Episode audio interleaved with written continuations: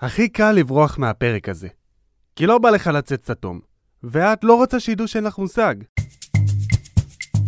כל כך הרבה פעמים מצאנו את עצמנו יושבים מול בן אדם בחליפה שמדבר איתנו על מספרים, ותשואות, וריבית, והצמדה, על דמי ניהול ודמי ביטוח וטפסים. מלא מלא טפסים. ובשנייה שהוא מתחיל לדבר אנחנו... ואיך מתקדמים מכאן? אנחנו דור שחשוף לכל כך הרבה מידע. כל הידע שקיים בעולם מונח לנו בכף היד. ובכל זאת, יש דברים שאנחנו פשוט לא שואלים. ואולי הגיע הזמן שנשאל, כי אנחנו כבר לא ילדים, והזמן שלנו שווה כסף. הרבה כסף. מבטיחים שנדבר עברית ולא נשתמש במילים שיגרמו לכם לאבד הכרה. יאללה, יוצאים לשאול בשביל חבר, והפעם, פנסיה. שלום.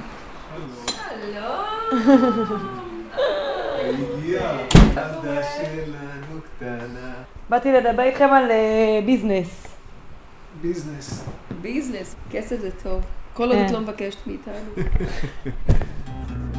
אני יובל, בת 27, גרה בתל אביב, עובדת, לומדת, ובשאר הזמן מנסה לשרוד.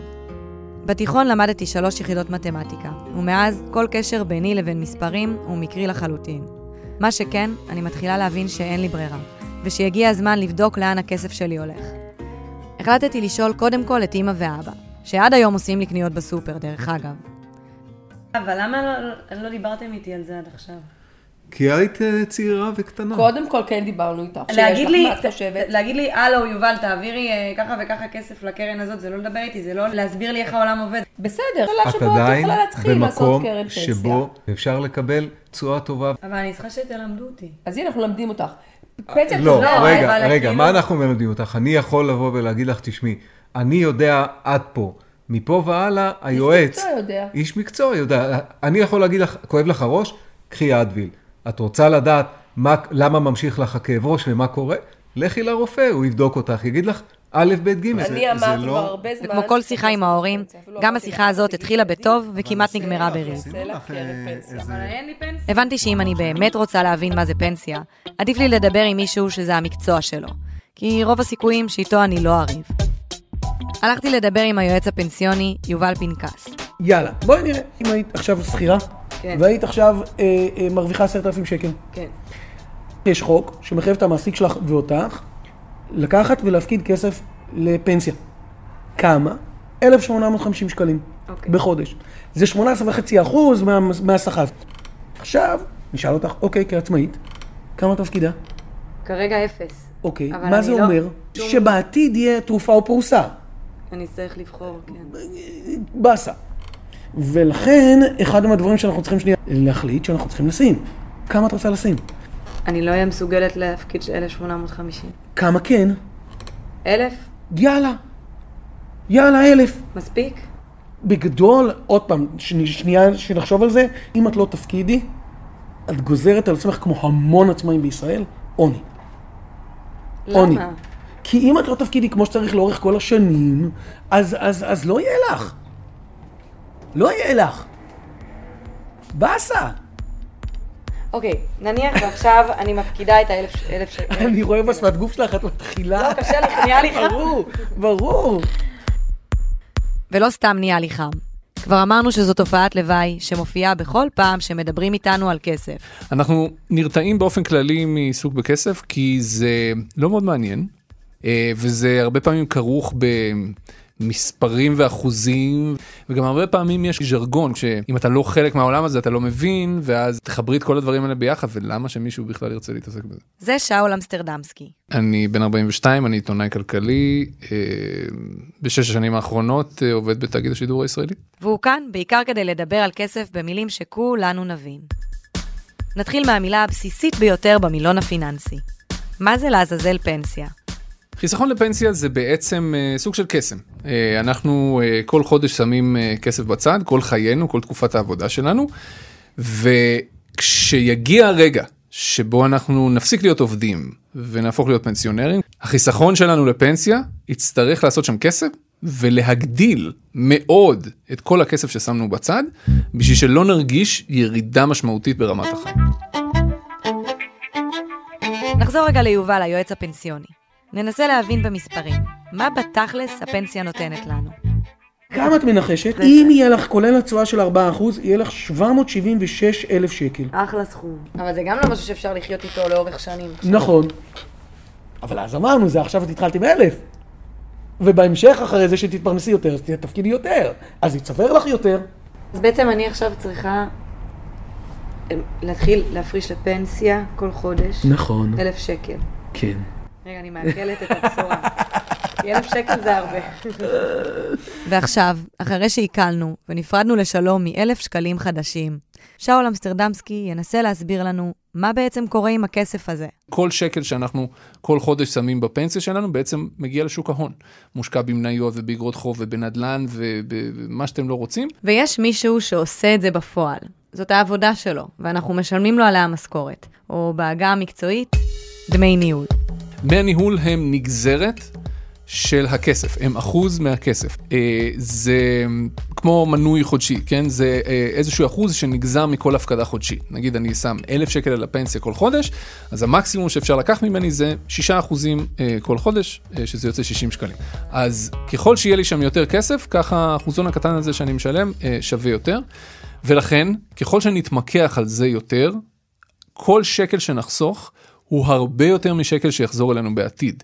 כי זה כסף שמושקע, כסף שמושקע עושה כסף מעצמו, ולכן כל שקל שחסכנו זה 4, 5, 10 שקלים שנקבל בעתיד, תלוי כמה כסף הכסף הזה יעשה, ולכן אנחנו צריכים להתמקח על כל שבריר אחוז. כל שקל שנחסוך יהפוך לחמישה שקלים בעתיד, זה אומר עשרות אלפי שקלים שמתווספים לנו לחיסכון.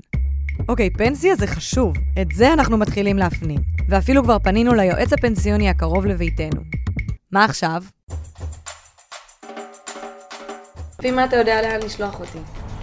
ברוב המקרים אני אבחר לך לפי המקום שבו אני יותר טוב, כלומר, באיזה חברה יש לי תיק יותר גדול, כי אז אם חלילה יקרה לך משהו, יהיה לי משא ומתן אל מול אותה חברה בצורה טובה יותר לתת לך שירות. לא ידעתי שזה בכלל דבר שאתם מתנהלים מול החברות ביטוח. כן.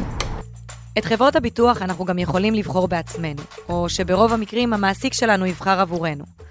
בכל אחד מהמקרים אנחנו צריכים לדעת שני דברים חשובים. אחד, אה, זה לוודא שהמעסיק שלנו באמת חוסך לנו לפנסיה כמו שצריך. זה בעיקר רלוונטי לאנשים צעירים שלפעמים עובדים ביותר עבודה אחת ולפעמים עוברים עבודות אה, באופן די תכוף.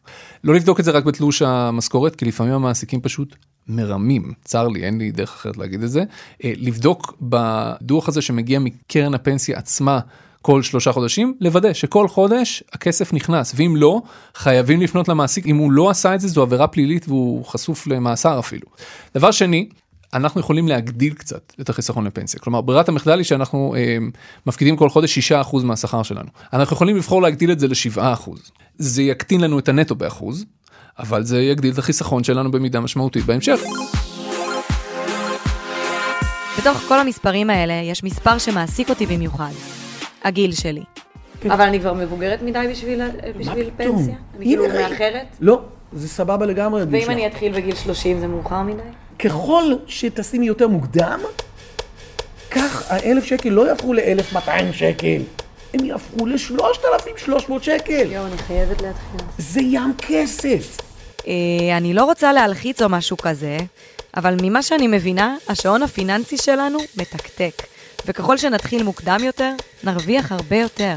רמת החיים שלנו בגיל הפרישה תלויה אך ורק בנו. בנו ובהמון המון סיכונים אחרים שאנחנו לוקחים אגב החיסכון הזה לפנסיה. חיסכון בפנסיה אה, הוא חובה היום במדינת ישראל, אבל דווקא לאנשים צעירים הוא חובה עם כוכבית.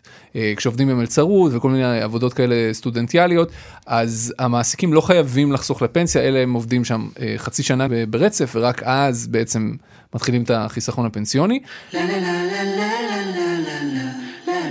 פנסיה זה קצת כמו להתחתן.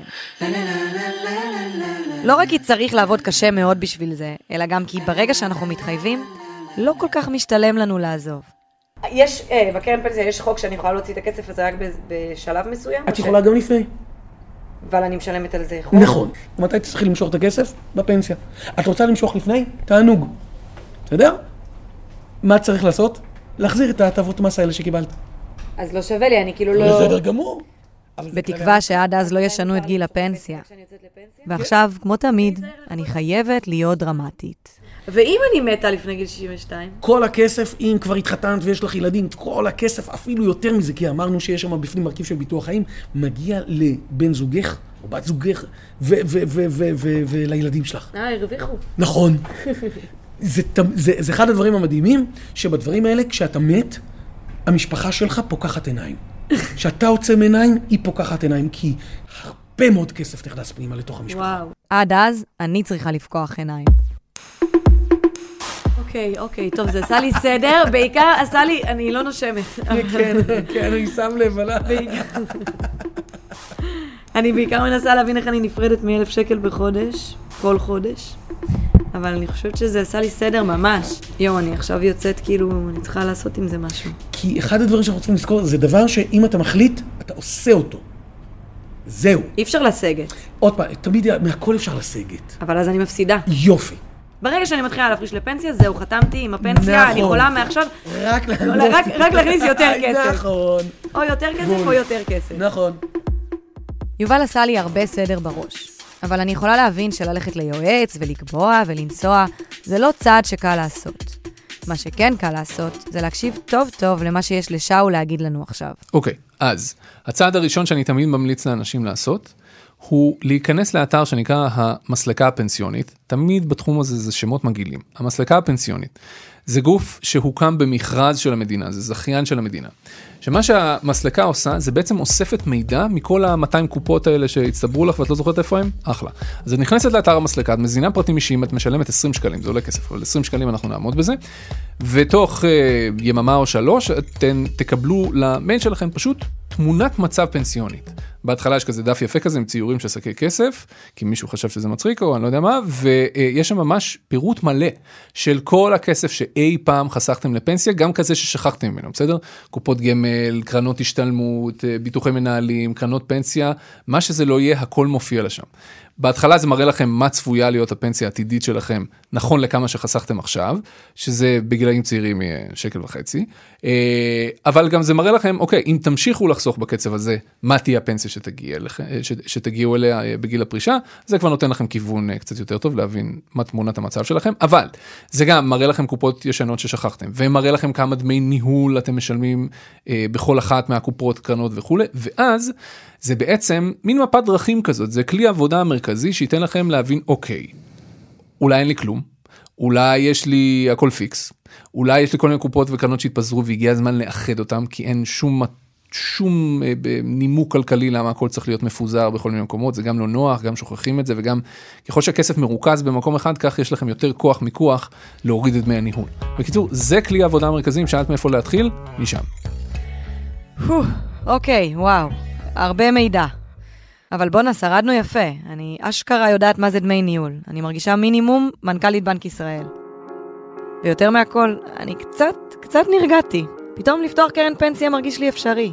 ומילים כמו תשואה וריבית מצליחות להיכנס לי לאוזן בלי לצאת מהצד השני. יש מצב שהפרק הזה עשה לנו קצת סדר, ובעיקר הוכיח לנו שיש דברים ששווה לשאול. גם בשביל עצמנו וגם בשביל חבר. האזנתם והאזנתן לפודקאסט שואל בשביל חבר. אני יובל לוי, ויחד איתי עבדו על הפרק הזה גיא נתן, מיטל ריבק ותמר סגל. תודה לשאול אמסטרדמסקי ויובל פנקס, שתרמו מהידע ומהזמן שלהם. ניפגש בפרק הבא.